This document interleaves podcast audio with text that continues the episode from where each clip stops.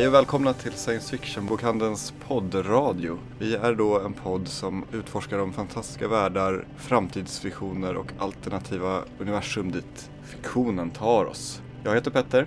Och jag heter Jenny. Och jag heter Cecilia.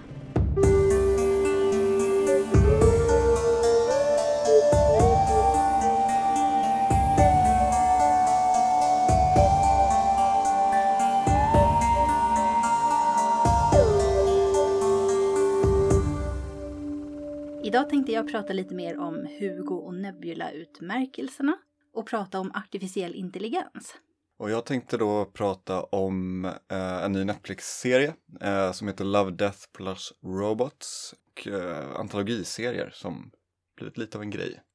Och jag har precis läst Temas Wrath, så jag tänkte prata lite om det och om James Corys böcker i allmänhet. Men först då, Hugo och Nebula. Som vi sa förra gången så är ju det väldigt stora utmärkelser som är ganska världskända, i alla fall inom science fiction och fantasyvärlden vid det här laget. Men jag glömde ju bort att tala om hur man röstar. Eh, så det tänkte jag berätta om nu. Eh, det är nämligen så att eh, går man med i Hugo är det då som man får rösta på för att Nebula-utmärkelsen utnämns av The American Science Fiction and Fantasy Writers. Eh, det är ett smidigt namn. namn. Ja, bara ja. rolls off the tongue, inga problem. Precis, deras hemsida heter nebulas.sfwa.org. Om man tittar på nyheterna där så hittar man deras lista. Den ligger faktiskt uppe nu. Och som sagt, eh, listorna som de lägger upp på nomineringarna som de sen röstar om. Alltid värt att kolla upp. Men när det gäller Hugo-utmärkelsen så får ju faktiskt de, vem som helst som går med i Worldcon, årets Worldcon, får rösta. Och går man med i årets Worldcon så får man då nominera nästa års författare och allt som, ut, som nu delas ut priser till på Worldcon. Men som sagt, går man med i Worldcon, eh, man behöver inte åka dit. Det är Dublin i år så det skulle vara jättetrevligt att åka dit. Mm. Men jag kommer tyvärr inte kunna göra det i år. Eh, om man inte har möjlighet att åka dit så kan man bli stödmedlem. Och då har man fortfarande rätt att rösta. Det är förstås billigare än att åka dit och vara där, fast inte lika skoj. Men blir man medlem så får man allt material skickat till sig. Alla böcker, alla korta berättelser, noveller, novelletter, novella och så vidare och så vidare. Eh, och eh, så får man då lägga sin röst. Mm. All information finns ju på Worldcons hemsida, vilket i år är dublin2019.com. Det är ju ny för varje år. Mm, just mm. Men man kan också kolla på Hugo-utmärkelsernas eh, egen hemsida som är thehugoawards.org. Vi lägger upp alla länkar i informationen i avsnittet också för att det här kanske inte är så lätt att komma ihåg. Och då är det då en årsavgift som man betalar? ja, mm. precis. Så en gång på ett år och då mm. får man liksom allt som man behöver. Mm. Mm. Och de har lite nya regler i år för när man gick med och, och, så vidare. Men det handlar mest om vem som fick nominera om man har varit med förra åren. I år så var det så man måste ha varit medlem på förra World ja, okay. mm. Och jag var ju med på den innan det så Just jag får inte rösta. Eller jag fick inte nominera. Nej.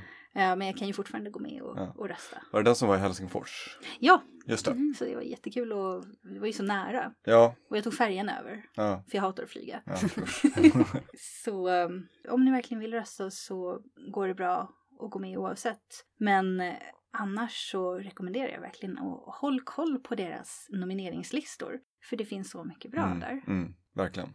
Och som vi sa förra gången, att det är liksom bästa låten vinner inte alltid. Nej, nej, jag brukar tycka bättre om typ tvåan eller trean. Ja. ja.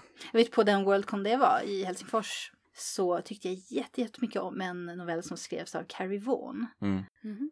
Jag hade inte läst någonting av henne förut. Och den, jag tyckte den var jätte, jättebra. Jag tyckte det var så synd att inte den vann. För den som vann tyckte jag såhär, ja ja, den duger väl. Mm.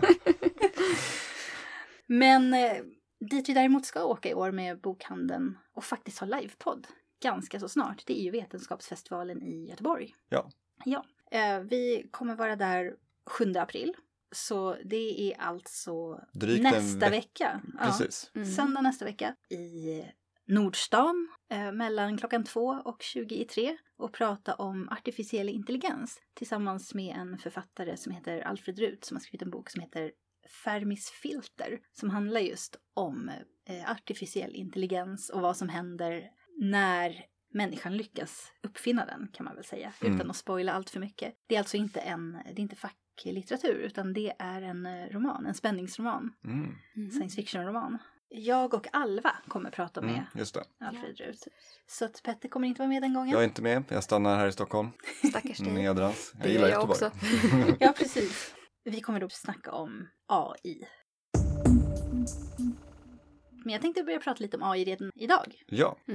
För det tycker jag är, är riktigt kul. Mm. Upptäckte jag när jag började fundera på Mm, vad det är AI faktiskt är för någonting. Ja, Mm. det finns ju lite de här två aspekterna. Den, den realistiska AIn som är lite mer, ja, när, när artificiell intelligens lär sig att förbättra sig själv, vad händer då? Kommer en AI som vars uppgift är att tillverka gem vilja optimera jorden för att tillverka gem? Mm, just det. Mm. Ja, det är kanske lite av faran där då. Ja, men Ja. t- dragit till sin spets. Liksom. Ja. Mm. det är faktiskt ett exempel ifrån Fermis filter. Ja, det är så? Ja, Ja. Mm.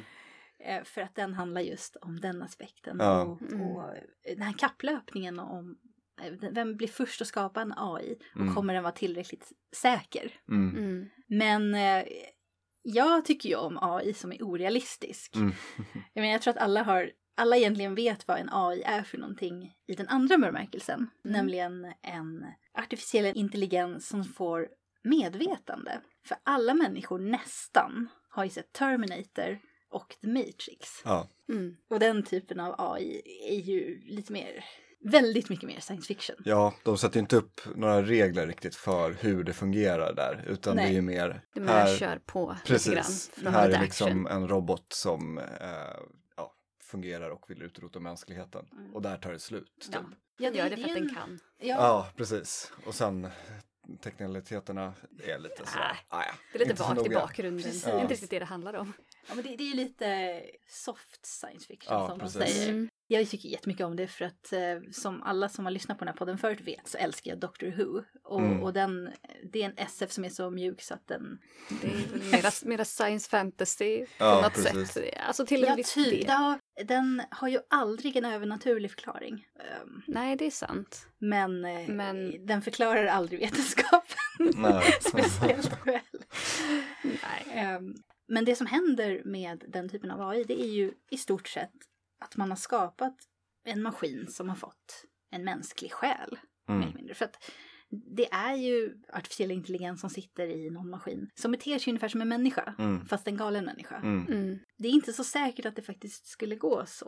Och Nej. jag tror att det är ganska Nej. svårt att lyckas med det här. Att skapa en eh, karaktär en, som är en AI. Mm. Som är tillräckligt omänsklig men samtidigt eh, blir den här typen av, av karaktär som kan driva en handling som inte bara blir liksom ett problem som de andra karaktärerna ska handskas med. Ja, utan blir en karaktär i sin egen rätt. Ja. Ja. Eh, För och- ofta så skriver man ju det man själv kan. Så att en människa kan ju bara skriva från en människas perspektiv. Mm. Och en AI kan ju verkligen vara vad som helst. Till Mm. exempel gemskapare Mm. eller Mm. jag tänker på alla såna här chattbottar och alla bottar på internet. Ja, Om någon av dem skulle få intelligens men de är optimerade till att liksom se skillnad på en katt och en hund. Ja, precis. Hur, hur ser världen ut liksom om den blir den mest inflytelserika? Men, eh, Ja. och, och det, det är det som är faran där, liksom att eh, när AI lär sig att förbättra sig själv och inte längre behöver människans input, Mm, det är mm. där liksom. Mm. Men som sagt, även om det inte är lika vetenskapligt eh, trovärdigt kanske, så, så tycker jag ju väldigt mycket om den här andra typen av AI.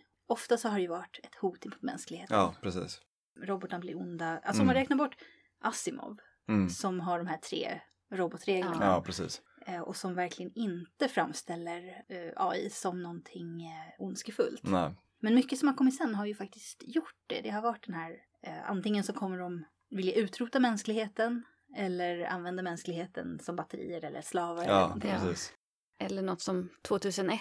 Där är ju inte datorn ond så att Nej. säga. Men den, den, det slår ju fel där i dens, ens huvud. Och, Men den är ju lite, det är lite på samma nu som, som gem, gem AI. Om Ja. kommer tillbaka Ja. till den. Att den, för liksom HAL har ju uppdraget som Mm. sitt främsta.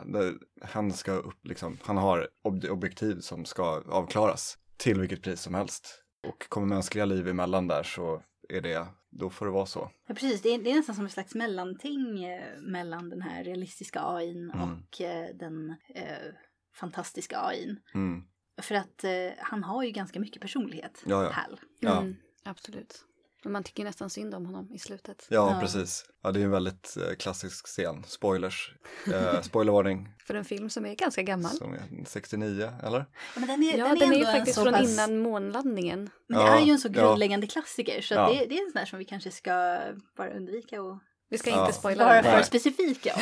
Lite Slutscenen är väldigt klassisk. Ja. Och, ja, ja. Ja, Se den, filmen är om du inte har gjort det. Men jag tänker på också eh, när AI eh, karaktäriseras ur ett- en positiv eller mer som en, en ny typ av varelse är ju väldigt intressant också. Eh, jag såg om den här filmen Her nu för några veckor sedan.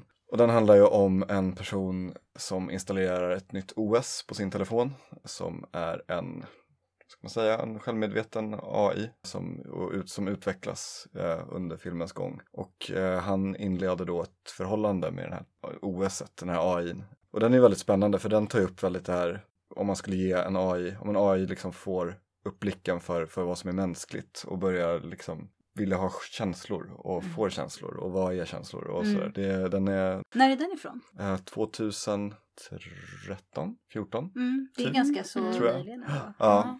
Eh, hela den filmen behandlar AI på ett väldigt så här, spännande sätt tycker jag. Så det om man inte har sett den, den är lite nyare så vi ska inte spoila vad som händer. Nej. Men den, den, den gör mycket, mycket coola grejer som jag inte har sett riktigt eh, sen dess eller innan dess heller. Det Mm. finns säkert någon bok som har gjort samma sak 40 år innan. Eh. Så det kommer säkert få backlash. Men den är, jag tycker den är väldigt bra, så klart sevärd. Ja, ni, ni får höra av er om vi har Ja. missat någonting enormt här. Ja, det finns ju den här boken Long way to a small angry planet. Just det, Ja. just det. Den har ju en, en liten sidohandling om en, en besättningsmedlem på det här rymdskeppet som eh, boken utspelar sig på. Han är ju kär i AIn till Just deras rymdskepp. Och AI har inte en kropp, eller hur? Utan den sitter Nej, typ i... Nej, i... AIn är liksom i skeppet så att Ja. säga. Och det är lite som i Ann Leckis eh, Imperial Rudge-serie, Mm. eller trilogi, som börjar med Ancillary Justice. Men där är ju AI huvudpersonen. Mm. Och hon är ju också ett skepp ifrån början. Fast Mm. hon har jättemånga kroppar. Precis. Mänskliga kroppar. Ja. Det är så här, när man tänker på det så är det ju jättehemskt. Ja. För att det är imperiet, alltså hon kämpar ju för det onda imperiet i Ja, stort sett. precis. Spoilers. ja, men det är ganska uppenbart ja, man, Första man kapitlet. fattar det. förstår man ganska Precis, fort. ganska direkt. För att de tar människor som, de erövrar ju olika planeter Mm. i ett imperium. Mm. Så tar de människor, mördar dem och eh, låter en AI ta över deras kötsliga kroppar. Precis. Ja. Så den här AI-medvetenheten existerar i tusentals olika kroppar samtidigt Mm. och för konversationer, tusen konversationer samtidigt Mm. Mm. och gör tusen saker samtidigt. Precis. Alltså så det, är, det är en cool grej. Och är då ett rymdskepp. Och är Ja. även ett rymdskepp. Ja. Och det, alltså, det är ju inte skriven som en skräckroman så det, det är inte beskrivet så jättenoggrant men det finns en Det scen lite obehagligt. som är väldigt Mm. eh, Första boken. Kan ha varit i andra boken. Ja, Ja. jag har bara läst första. Jag, Ja, men de beskriver eh, vad som händer när, alltså den kroppen som, det som händer precis i början faktiskt, det är inte heller en spoiler, det är ju att huvudpersonen som är den här AI med massor med kroppar, hon, alltså hennes rymdskepp blir attackerat. Hon vet inte riktigt vad som har hänt. Nej. Så hon har bara en kropp kvar, Mm. en människokropp. Mm. Och eh, det finns en scen lite senare i serien när man får se hur den, den personen som var den här kroppen från början dör. Och, Ah, ja. Det är Mm, lite jag förstår. Hur hon hamnade. ja, Mm. Ah, det, Mm. det, var, det är inte så långt men det, det var riktigt hemskt och riktigt, Ja, riktigt ja. bra. Ja, spännande. Jag har bara läst första boken som sagt. Ja, Så jag, ja. ja, men jag måste, måste hoppa Ja. på andra innan det har gått för lång tid. Ja, jag bort första boken, måste läsa om den igen. Ja, verkligen. Ja, ja.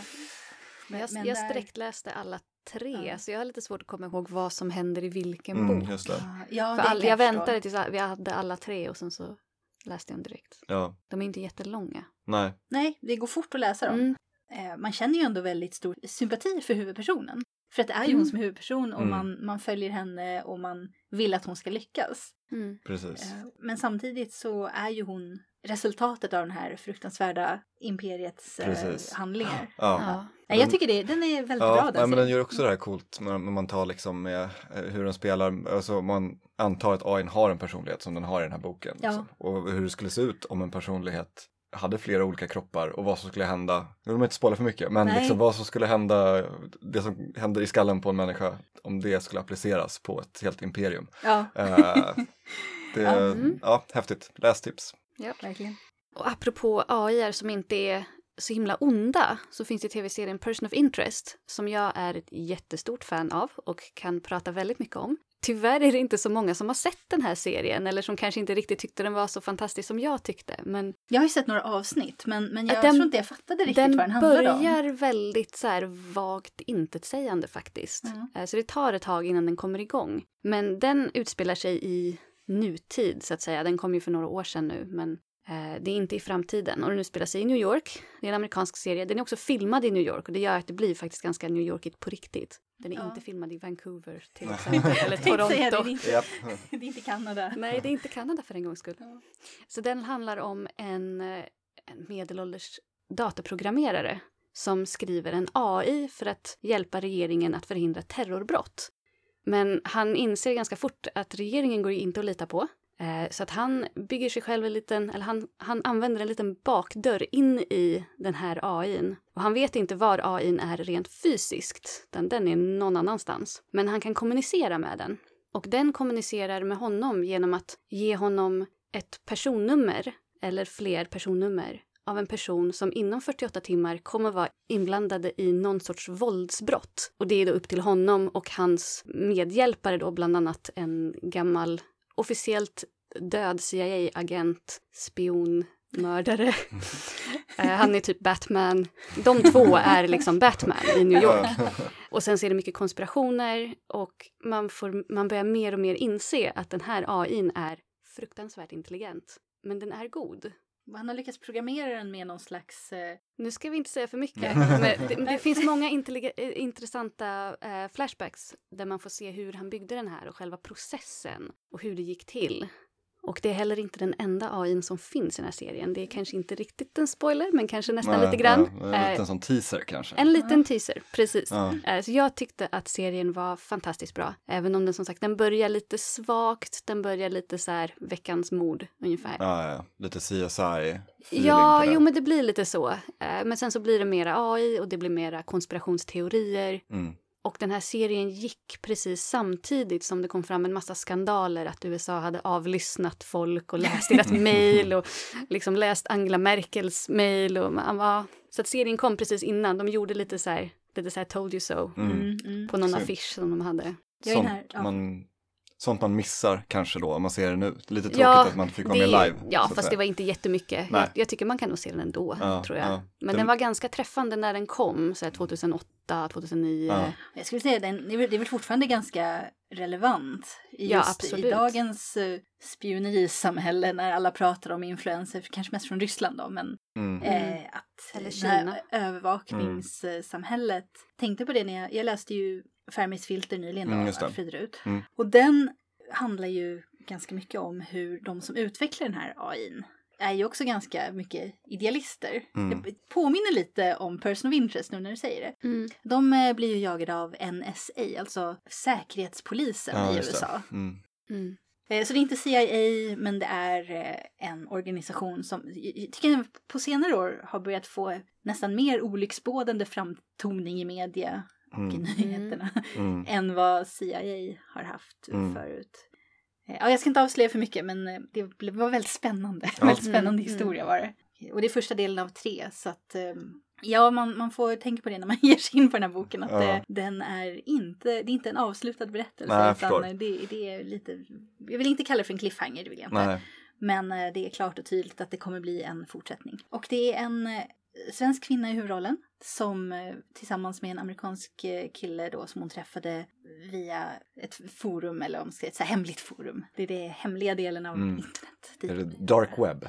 Vi säger att det är det. Ja. Men eh, de börjar arbeta på den här AI tillsammans. Och de blir ju upptäckta av NSA som vill ta över deras, eh, allt som de har gjort. Och så Jag trodde ju att Det det, var mycket. facklitteratur eftersom Nej. den heter Mm. Fermis filter. Ja. Jag trodde Mm. den handlade om Enrico Fermis filter. Nej, hon Mm. har döpt sin AI till det. Det var ju väldigt trevligt. Ja.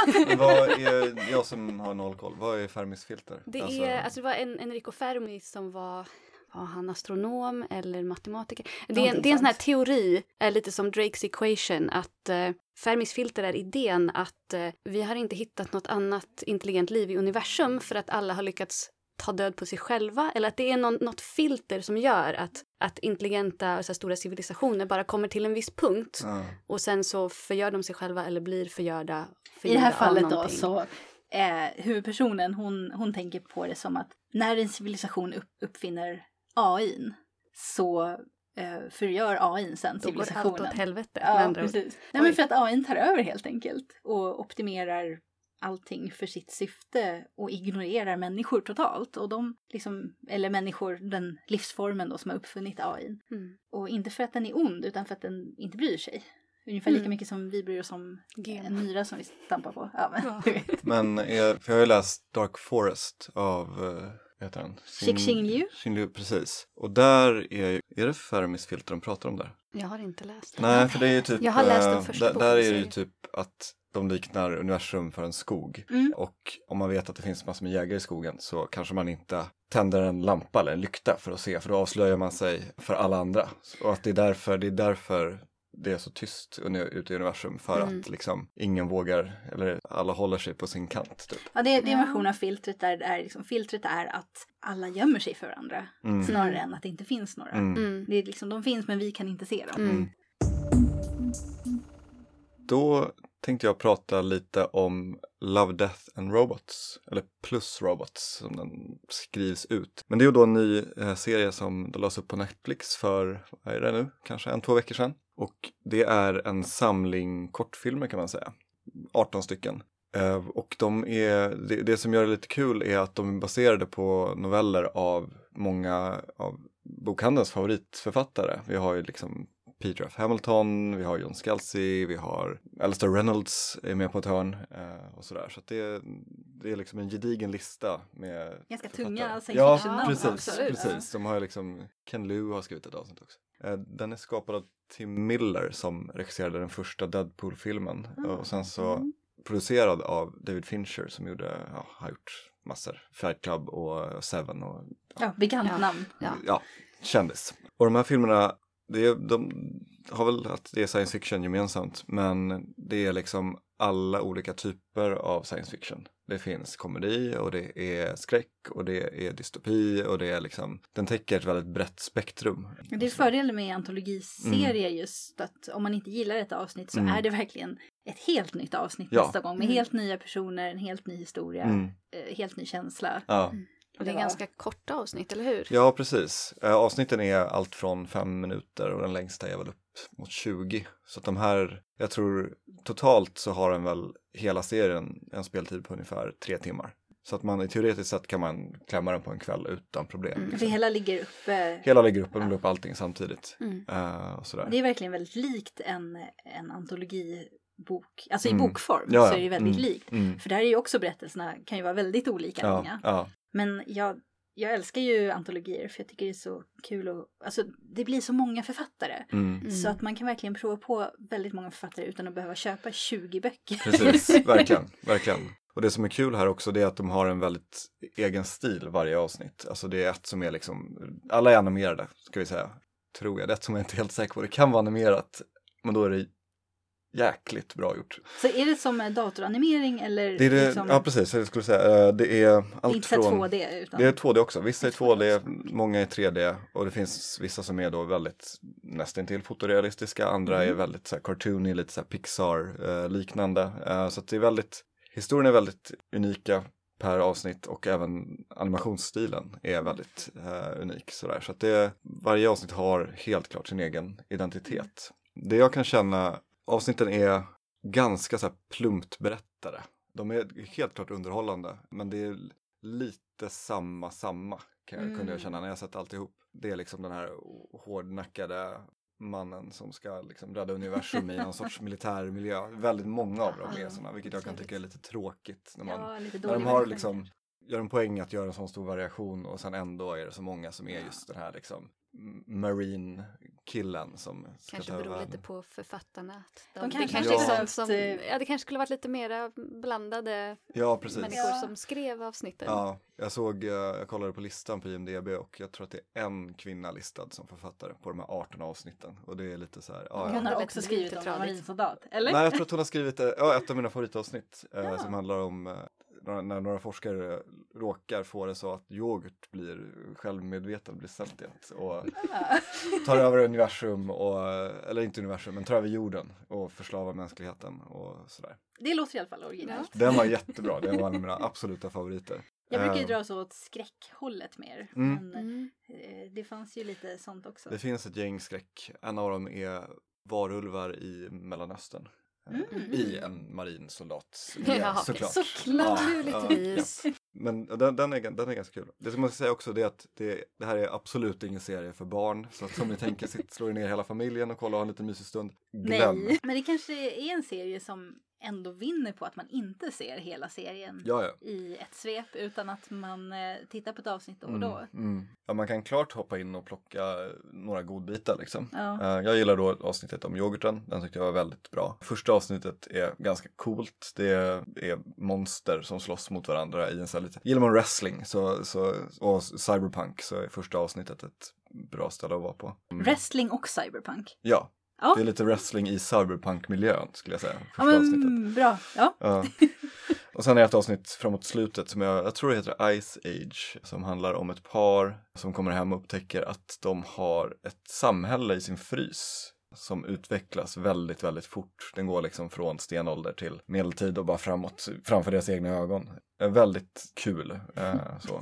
Påminner lite om ett Futurama-avsnitt som, som jag gillar. Ja, ja. Men det, ja, Ice Age och den här When Yogurt Took Over, det, det är väl mina två Ja. favoriter. Ja, men det är en antologiserie så man behöver ju, man kan ju bara välja de avsnitt som folk har Mm. rekommenderat. Ja, Det finns ju säkert eh, massor med prat om den här serien ja, ja på nätet och ja. överallt. Ja, det har blivit mer och mer. Det, folk har ju fått upp ögonen för den verkligen sedan de la Mm. upp den. Men det är inte så helt nytt. Jag brukade, när jag var yngre, jag brukade kolla ganska mycket på Twilight Zone. Alltså det gick i repris. Mm. Tales from the Crypt tyckte Ja, jag var det. jättekul klassiker. också. Klassiker. Det är lite kul med Twilight Zone, den kommer ju eh, ny version. Jag tror att det är en, planerat nästa år eller senare i år. Ja. Av eh, Jordan Peele som kommer vara showrunner. Han som har Just gjort det. Get Out för några Och år den sedan. nya filmen Us va? Us, Just precis. det, ja. Som jag inte har sett än, men jag har hört. Ja, jag har inte sett extremt några, det är mycket bra två av den. filmer som jag inte Mm. har sett som Nej. jag verkligen planerade att se. Jag var såhär, men Mm. de här, den här vill jag se. Så Mm, blev det mm. inte av. Nu har jag planerat att se Us nästa vecka. Ja, Så att eh, det tänker jag faktiskt gå Ja, göra nu. jag ska Ja. se den om två Ja. veckor. Jag måste samla mod, lugna nerverna. Jag vet fan jag ska klara det där, men det, det får gå. Jag Vill du den. skräckfilm? Nej, jag är superrädd av mig. Så Ja, jag det är jag också. Jag Ja. tittar på dem ändå. Men... Just på bio också, det är det värsta jag vet. Fy. Nej, jag tycker inte att det är så läskigt på bio. Och då har man en sällskap av en massa Ja, andra det är jättemånga människor. andra personer som skriker mycket högre än en själv. Ja, men det är det som är, ja. Ja men då sitter man ju där, då kan man inte gå därifrån. Hemma kan man inte tända ljuset, man kan, Ja, fast sen man kan hemma typ sitta när och man blunda hur mycket man vill ljuset. utan att behöva skämmas för det liksom. Men det är Eh, ingen som ser i biomörkret. Jo, om man går brev, de sitter bredvid. Ja, Man kan ju inte sitta så här. Det är längst bak då. Ja, ja jo. En liten så här, jag- Skandia har väl en sånt litet bås som man kan sitta. Mm. Man kanske kan, jag får sikta på det tror jag. Den går ju också på eh, Biokapitol. Mm. Som är den här eh, biografen, den ligger på... Sankt Eriksplan i Stockholm. Vid Sankt Eriksplan, Ja. precis. Och det är ju en gammal 20-talssalong Mm. som är renoverad eh, och omgjord och där man kan äta lite god mat, dricka ett Dricka glas vin, Ja. ja. eller en öl om Ja. du vill. Ja. Eller, Ja, tack. eh, Så att du är lagom filmen. full Ja. när skräcken börjar. Ja, Mysiga fåtöljer och... supermysiga fåtöljer. Mm. Ja, det är ett sånt Åh. tips. Eh, Bara om ni gillar film i allmänhet. Alltså, Ja. bege er till Biokapitol. Ja, de visar ju eh, klassiska filmer Ja. också. Mm. Jag var där för några helger sedan och såg eh, att Ann gör en brygga. Har Ja. du sett den? Eh, ja, ja. Tage, Tage Danielsson och Hasse Ja. Alfredsson. Så Mm. bra. Men jag, alltså, jag brukar alltid gå till den bion om filmen jag vill se går där. Och som Mm. sagt kolla Mm. efter deras Ja. klassiker, det är jätteroligt. Ja, en liten eh, parentes. Det är det. En liten parentes. Men precis. en väldigt stor rekommendation om det är Ja. möjligt att ta det dit. Det jag skulle säga också om Love, Death plus Robots är att den liknar ju lite en annan serie som finns på Netflix, eh, Black Mirror, som också är en sån antologiserie med korta historier som utforskar. Den är lite mer att den utforskar idéer kring science fiction och teknik, sådär, så kanske som blir som en, en spegel. En mörk Black Mirror. En mörk spegel. Ja, precis, exakt. den, den är ju fantastisk. Du hade sett? Jag har sett den. Jag har Ja. sett den. Nästan alla avsnitt. Nej. Jag vet att jag har sett det mesta men det är fortfarande avsnitt som jag inte har sett. Mm. Men eftersom det är en antologiserie så har jag ju valt ut dem som jag är mest intresserad av. Ja. Har du något favoritavsnitt? Oj, Som alltså kan- den här San Junipero, Ja, eller hur San man, nu, Junipero. hur man Mm. uttalar den. Mm. är ju, Alltså till och med jag har hört talas om den. Ja, Folk har ja. pratat om Ja. den. Så. Ja. Jag gillar också den här, vad heter den, Archangel. Den där det är, det är en, en mamma som eh, Ja, ja, opererar den, ja. in ett det. sorts Mm. visuellt filter i sin dotter för att eh, tänk dig liksom att man pixlar bort allt våld och nakenhet så att när den här flickan tittar på saker så ser hon inte allting. Nej. Hon ser inte blod Aha. utan det liksom pixlas iväg. Ja. Och den, den är väldigt, väldigt obehaglig på Ja. många sätt. Och man kan verkligen tänka sig att det finns föräldrar som vill ha det här på riktigt. Ja, precis. Hon Ja. sitter liksom med iPaden och kan få en live-feed från sin dotters ögon se på exakt iPaden och se vad vad hon hon gör. Vad hon gör. Och var hon är. Ja, den är Och så, så får man obehaglig. följa den här flickan när hon växer upp från ett Ja. litet barn tills att hon är tonåring. Ja. Ja. Och det är... Hon, och hon kan inte ta bort det själv. Eller hon, Nej. vet hon om att hon Nej. har det? Nu ska vi Spoilers. Spoilers! Har någon av er spelat eh, Bioshock? Bioshock 2? Nej. Ja. Men jag har hört talas om det. Jag tänker på de här Little Sisters. Mm, just det. Eh, I Bioshock 2 så är det ju en scen när man spelar ifrån en, en sån här Little Sisters Mm. synvinkel. Mm, just det. Och eh, sättet hon ser Rapture är ju Mm. helt annorlunda från när Gud, jag man kommer inte ser ens det. ihåg den här sekvensen i spelet. Nej, Det men var länge det sedan jag spelade det i och för sig. Men, eh, ja, jag har ju spelat om det spelet ett par Ah, gånger okej. för jag tycker det är så Mm. bra. Ja. så istället för att spela ett nytt spel så spelar jag ja, om ett spel ja, som jag redan har eh, klarat av. Varför? Eh, i alla fall. Så ja, men man, man spelar från hennes synvinkel en kort period.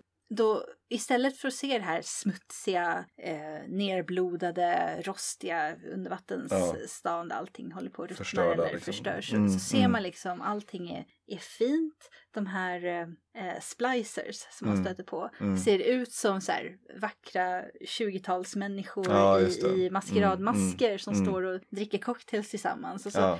är det någon sån här någon som griper tag i henne och då lyfts illusionen Ah, en så här kort Ah, sekund det, och så ser man hur det verkligen är och så Ja. kommer den tillbaka och, och de här liken som de sticker in sina enorma eh, Det här låter jättetrevligt. Ja. Jag som inte har spelat det här spelet. Mm. Det är ett jättebra spel men det är ju ett skräckspel. Ja. Eller ja, nej men hon ser ju, de, Little Sisters ser ju dem som änglar som ligger Mm, mm. på marken, vita och rena. Ja. Eh, som de ska Ja, hjälpa man hör ju liksom. de pratar om det innan. Alltså, så här, man vet ju, de säger så här, look an angel typ och sånt där. Så det är superläskigt. Mm. Men uh, coolt. Och det är, det är ju ett helt fantastiskt spel Mm, också. mm. Eh, Men också en parentes, jag bara kom att tänka på det när du pratade om det här filtret. För det var, det var verkligen en sån upplevelse att spela den biten. Det här är ett avsnitt som jag nog vill se om jag Mm. Ja, pallar. Ja, ja. det beror lite på. Om du är, vill du må bra så kan du se San Junipero. Vill du må dåligt kan du se Archangel. Eller Eh, väldigt många andra väldigt, väldigt avsnitt många andra i den serien. Ja, Det, det är en sån här serie som man får titta på ett avsnitt och sen får man ha någonting berätt efteråt. ja Någonting gulligt och fluffigt. Ja. det, är en sån, det är också det som är kul med serien. Att det är liksom, om man går in för varje avsnitt utan att veta någonting Mm. så blir det lite så här, var kommer twisten? För Ja. många avsnitt Mm. börjar väldigt så här, normalt och så är man så här, okej vad kommer det här, vad kommer det mörka in? Ja. Eller om det är mörkt, eller så här liksom. Så att, eh, och San Junipero speciellt håller på den twisten väldigt, väldigt länge. Så man är så här, jag tror jag typ kollade bara, har jag dragit igång, är det Black Mirror jag tittar på? Eller är det något annat som Ja. jag har hoppat över av misstag? Ja. Nej men eh, man får ha sin eh, comfort watching Mm, redo att titta Mm. på efteråt. ja, precis. Så ja, två tips. Love, Death and Robots och Black Mirror. Och allt annat som vi har lyckats eh, Ja. klämma in. Jag tänkte nu prata lite grann om temat Wrath, eller James Corys böcker i allmänhet och också tv-serien The Expanse som är baserad på de här böckerna. Jag har precis eh, tryckt i mig temat Wrath som vi fick in lite tidigare på bokhandeln. Vi fick en lite tidigare leverans. Så jag snappade upp den på en fredag och läste ut den lördag kväll. Den- Hur många sidor snackar vi nu? Jag tror att den är lite över 500 sidor, alltså 530, Ja, okej. vilket Petter tycker är långt. Det tycker jag är Det långt. är ganska Jag långt. tycker det är ganska Nej, jag har ju läst Oathbringer bland annat som är 1300 sidor långt. Ja, och det jag har, läst några, jag har läst några Peter Hamilton också. Ja. Jag tyckte för jag var mig- superduktig när jag lä- läste Seven News av uh, Stevenson. den är väl inte så lång. Den är 900 Ja, tror jag. men, ja, okej, 900 sidor. Då, Då börjar här, det det bli långt. Jag tycker är det, är det längre än typ 600, då tycker jag att ja, men då kanske det börjar bli lite Mm. långt. Är alla de här sidorna verkligen meningsfulla? Ja, Ja. det tycker jag. Nej, men 100, ja. Ja, det är ju en trilogi i en bok. Ja. I en Mm. bokform. Ja. Så är det ju. Men i alla fall, Tiamats Wrath, åttonde boken i serien. Så att jag ska inte säga för mycket, för jag vill inte spoila de tidigare sju böckerna. Nej. Speciellt som att jag är den enda här som har läst den, för ni har inte Nej, läst. jag har inte läst en enda bok. Jag har bara sett nästan hela första säsongen av eh, The Expanse. Det är så långt min kunskap sträcker Precis, sig. för första boken är upp till mitten av säsong ett, faktiskt. Men håller den fortfarande då efter åtta böcker? Jag tyckte ju att åttonde boken var faktiskt bättre än vissa av böckerna innan. Mhm. Det finns väldigt många parallella handlingar och eh, jag tycker att eh, åttonde boken tog upp vissa av handlingarna som jag tyckte var lite mer intressant. Och eh, sen var det också en tidigare karaktär från en tidigare bok som vi inte har sett så mycket som kom tillbaka. Och det är en karaktär som jag personligen tycker ganska mycket om, som jag vet att många andra tycker är lite tradig eller tråkig. Hon har ju då en, hon är lite kär i eh, själva hjälten i historien, vilket jag tyckte var väldigt gulligt och lite så här träffande. Ja, men många är ju allergiska mot den typen av Ja. handlingar. Ja. Så här, Ja. Nej, Ja. nej, bort. Nu, nu kan jag säga, det här är väl kanske inte en spoiler, men nu kan jag säga att det är ingen kärlekstriangel eller någonting i åttonde boken. Eh, Nej. Men hon är med i boken ändå. Vi är åtminstone förskonade från kärlekstrianglar, det, det är bra. Ja, Ja, Det finns inget värre, tror jag. nej. Det nej. beror på om det, det kan ju göras bra liksom. Men det är oftast så, det är väl därför det? folk Kan är det? så... Kan det? kommer Kan- något har- vet, det måste har du något exempel? Bra. Nej, det har jag inte. Men jag tänker att... Det är det, jag tycker alltid är så uppenbart vem, vilka som kommer bli tillsammans. Mm. I alla fall. Mm. Det är aldrig liksom någon verklig liksom, svårighet i det här. Utan det är så här, nej men en, ja, men en så här, verkar lite bra på ytan. Men varenda läsare vet så här, ja det hända. Mm. Då ska jag inte börja prata om Brandon Sandersons Stormlight Archives. För den kärlekstriangeln är mitt hatobjekt. Jag, jag hatar den djupt. Och Men den varför har folk med kärlekstrianglar? Eh, Varför är det så himla, varför är det en sån liksom stapel som är med det ligger på lista böcker? av saker som man måste ha Ja, med. precis. Ja. För Nej, men att det- attrahera det- en stor publik. Det finns jättemycket sånt där som jag tror att författare och producenter tror att publiken Mm, vill ha. mm, Men som publiken bara står ut med Mm. för att få resten. mm. Eh, men i vilket fall, det är ingen kärlekstriangel i Tiamats Wrath för de som var rädda för att det skulle bli det. Och för de som inte har läst böckerna eller sett serien eh, så är det en, det är en science fiction-serie som då är skriven av James Corey som är två personer, Daniel Abraham och Ty Frank. En av dem jobbade som personlig assistent till George Martin bland annat. Mm.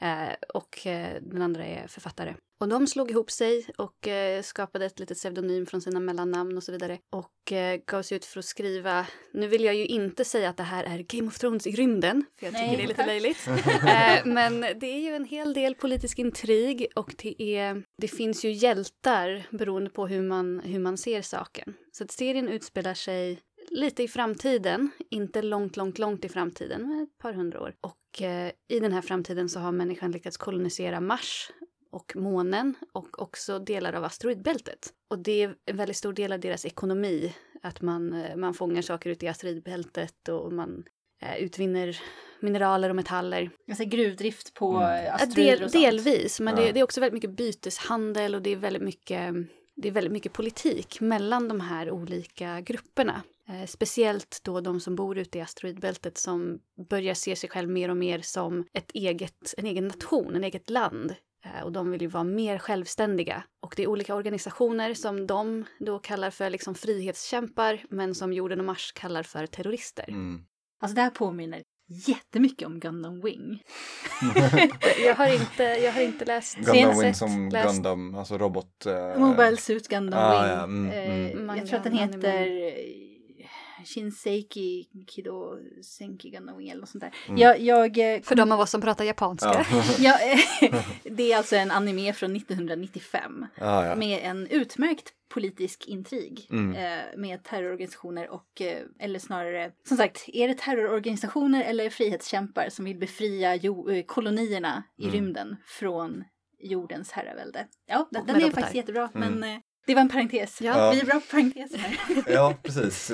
Parentesernas avsnitt. Ja. Eh, Ja. Det jag tänkte på lite när jag såg, jag har ju sett nästan, som sagt, nästan hela första säsongen. Och det, jag tyckte det, det blev lite så här förvirrande vilka man skulle heja på om man säger så. Alltså så här, Ja, det är inte riktigt nödvändigtvis meningen att man ska Nej. heja på Nej, de precis. olika huvudpersonerna. Mm. Det beror lite på hur man ser på saker. Det kommer in en del ideologi. Mm. Eh, huvud, huvudpersonen, James Holden, han är väldigt idealistisk. Han är liksom uppvuxen på en farm i USA i framtiden. Och han är enda barnet och han har ju, vad är det, tio föräldrar som har något sorts föräldrar. polyamoröst Ja. förhållande med varandra. Ja. Så att, alltså man skulle kunna tänka sig att han är lite bortskämd för att han har ju Enda haft barn. sina föräldrars Mm, uppmärksamhet. mm.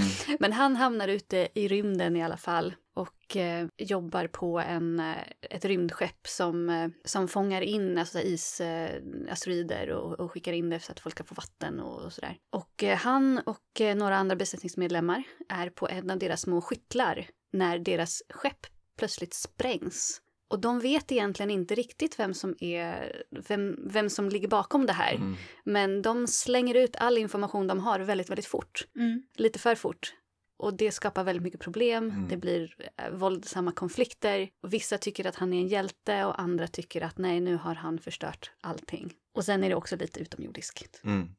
Det är inte bara människor. Men Nej. det, det är låter bara- jätteintressant. Jag, Mm. jag tycker att, eh, okej, väldigt mycket hänger ju på karaktärer Mm. också. Hur, hur mycket man kan. Man behöver kanske inte sympatisera alltid med dem, men man måste ju kunna känna en viss... Det var, därför jag hade så svårt för Game of Thrones. För att jag Mm. brydde mig inte om alla bara dog, för jag tyckte bara illa om alla. Jag bara, Ja. alla kan bara dö, jag skiter väl i det. Ja, Så liksom, det blir inget engagemang Nej, om man säger så. För historien är också lite såhär, ja ja, det är lite intrig. Ja. Jag bryr mig egentligen om vem som regerar det här Ja, kungariket. mycket folk som står och har, ser väldigt allvarliga ut och pratar om allvarliga saker. Ja. Ja, men jag tycker ju väldigt mycket om det här att eh, det är inte nödvändigtvis de goda mot de onda, Nej. utan alla har liksom sina orsaker till vad de gör. Mm. Så lite, lite nyanserat är alltid Precis. bra. Ja. Mm. Men jag måste ju kunna bry mig om karaktärerna Ja. som det handlar om Ja, också. det är en väldigt viktig del av det. Ja. Helt klart. Ja, Jag tycker väldigt mycket om karaktärerna i eh, den här The Expanse, både bokserien och tv-serien. Mm. Och jag tycker väldigt mycket om många av skådespelarna som de har valt i tv-serien. Jag tycker det är många helt fantastiska val. Eh, som till exempel skådespelerskan som spelar vad är hon, undersekreterare till eh, FN som då styr jorden i den här framtiden. Alltså hon, både karaktären och skådespelaren är helt fantastiskt. Mm. Hon är en gammal indisk dam Ja, i vackra Mm. färgglada Ja. saris och guldsmycken och hon svär som en borstbindare. Ja, det är fantastiskt. Ja. Eh, Så de har lyckats. för Thomas Janes hatt. Det Du gillar inte Thomas Janes hatt. Nej, den, den, den, den skar lite i mitt öga. Okej. Alltid när den, är med väldigt mycket. Vad är det för fel på den hatten då? Ja, det är en fedora. Det är Jag inte en det. fedora, det är någon annan sorts hatt som jag inte kommer ihåg vad den heter just nu. Men som, En trilby? Jag vet inte. det kan det vara. I vilket finns- fall, det, jag kan säga att hatten är inte med hela tiden. En sån här hatt som män ofta hade på 40-talet? Ja, Ja, Ja, typ. Jag vet inte. Jag, jag ja. tror att folk mer klagar på hans frisyr. som hatten döljer. Ja, jag kanske bara såg den där hatten och bara, här, bara tunnelseende och bara "Ugh, vad är det Ja, där för att i, I böckerna så finns det en, en, en fysisk skillnad mellan de som har växt upp i asteroidbältet med låg gravitation och de som är uppväxta på Mars eller jorden. Och eh, det gör ju att det blir ganska visuellt vem som tillhör vilken grupp. Men i tv-serien, eftersom de inte har det, så har de istället bytt ut det till folk har någon sorts konstig tuppkamsfrisyr med så Mm. rakat på sidorna och så har de tribal-tatueringar som är li, lite 90-tal. Och det kan man ju ha åsikter om. Det är ingen Ja. annan som har klagat på hatten så vitt jag Nej, vet. jag är först, men jag, jag står fast. Det är originella i ditt hat. Bort ja. med hans hatt.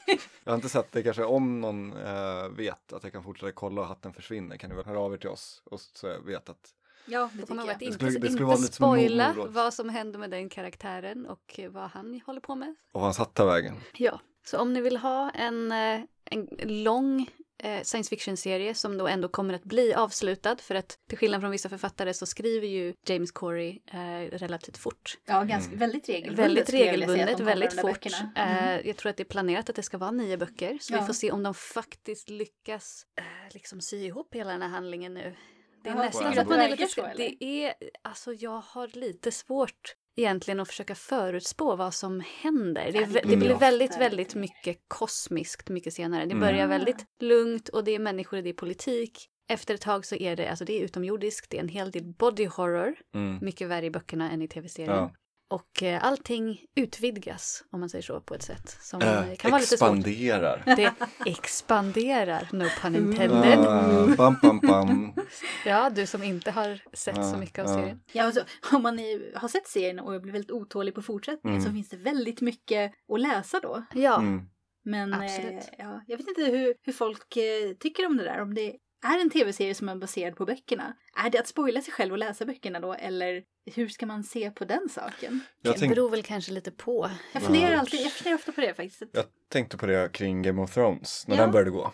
Att jag var så här, när en, en säsong var slut så var jag så här, shit jag vill hoppa på nästa bok eh, för att veta hur det går. Ja. Och den finns tillgänglig, jag kan plocka upp och läsa den nu liksom. Men då tänkte jag så här, det finns väldigt, väldigt mycket bra skriven fantasy. Men det finns inte så mycket bra TV fantasy-tv-serier. Nej, Nej, det är ju Så så då var jag så här, då får, jag, då får det här vara en tv-serie för mig. Eh, Mm. och jag känner, tänker lite samma sak kring The Expanse. Tycker det är lite torrt med bra, bra sci-fi på tv Mm. just nu. Så att, eh, Ja, vad är det för sci-fi som går annars? Vi har ju Star Trek Discovery går ju en Ja. gång i veckan. Ja, Eh, Jag tycker den är rätt bra, jag som aldrig har varit trekkie. jag tröttnade Men- på den och hoppade av.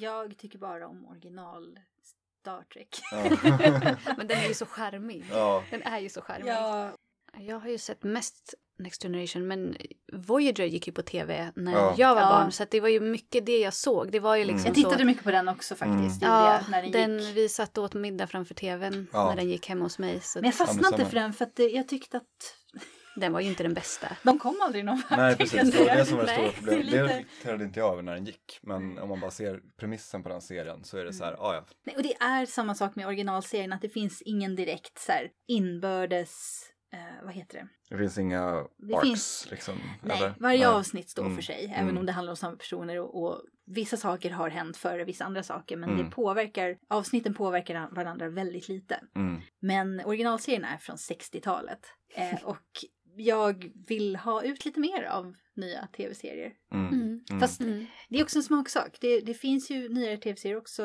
Och Nu tänker jag inte på antologiserier. Nej. Utan eh, tv-serier med samma karaktärer som har väldigt lite utveckling. Och som handlar, varje avsnitt ska vara liksom, man ska kunna hoppa in när som helst. Mm. Mm. Och det finns många som gillar det. Men jag tröttnar Ja. ganska fort. Mm. Ja. Då måste man verkligen gilla karaktärerna och liksom världen som den Mm. utspelar sig i så att säga. Det var allt vi hade att säga den här gången. Om ni har frågor eller kommentarer så vill vi jättegärna höra dem. Eh, ni kan höra av er på Facebook eller mejla till vår vanliga frågor-mail. Mm. Och vi finns även på Twitter och Instagram. Precis. Och eh, om ni kan betygsätta oss där ni lyssnar på podd så tycker vi också att det skulle vara jättekul. Men eh, jag hoppas att vi hörs igen då om två veckor. Ja, och då är vi tillbaka och då är även du tillbaka, Jag är Cecilia. också tillbaka. Ja. Och vi har även Eh, besök av Sara Bergmark Elfgren som kommer hit och pratar om sin nya pjäs och kanske lite om VI del 2. Ja, det kommer ja. bli jätteroligt. Ja, mm. toppen. Så vi hörs då. Hej då! Hej då! Thank you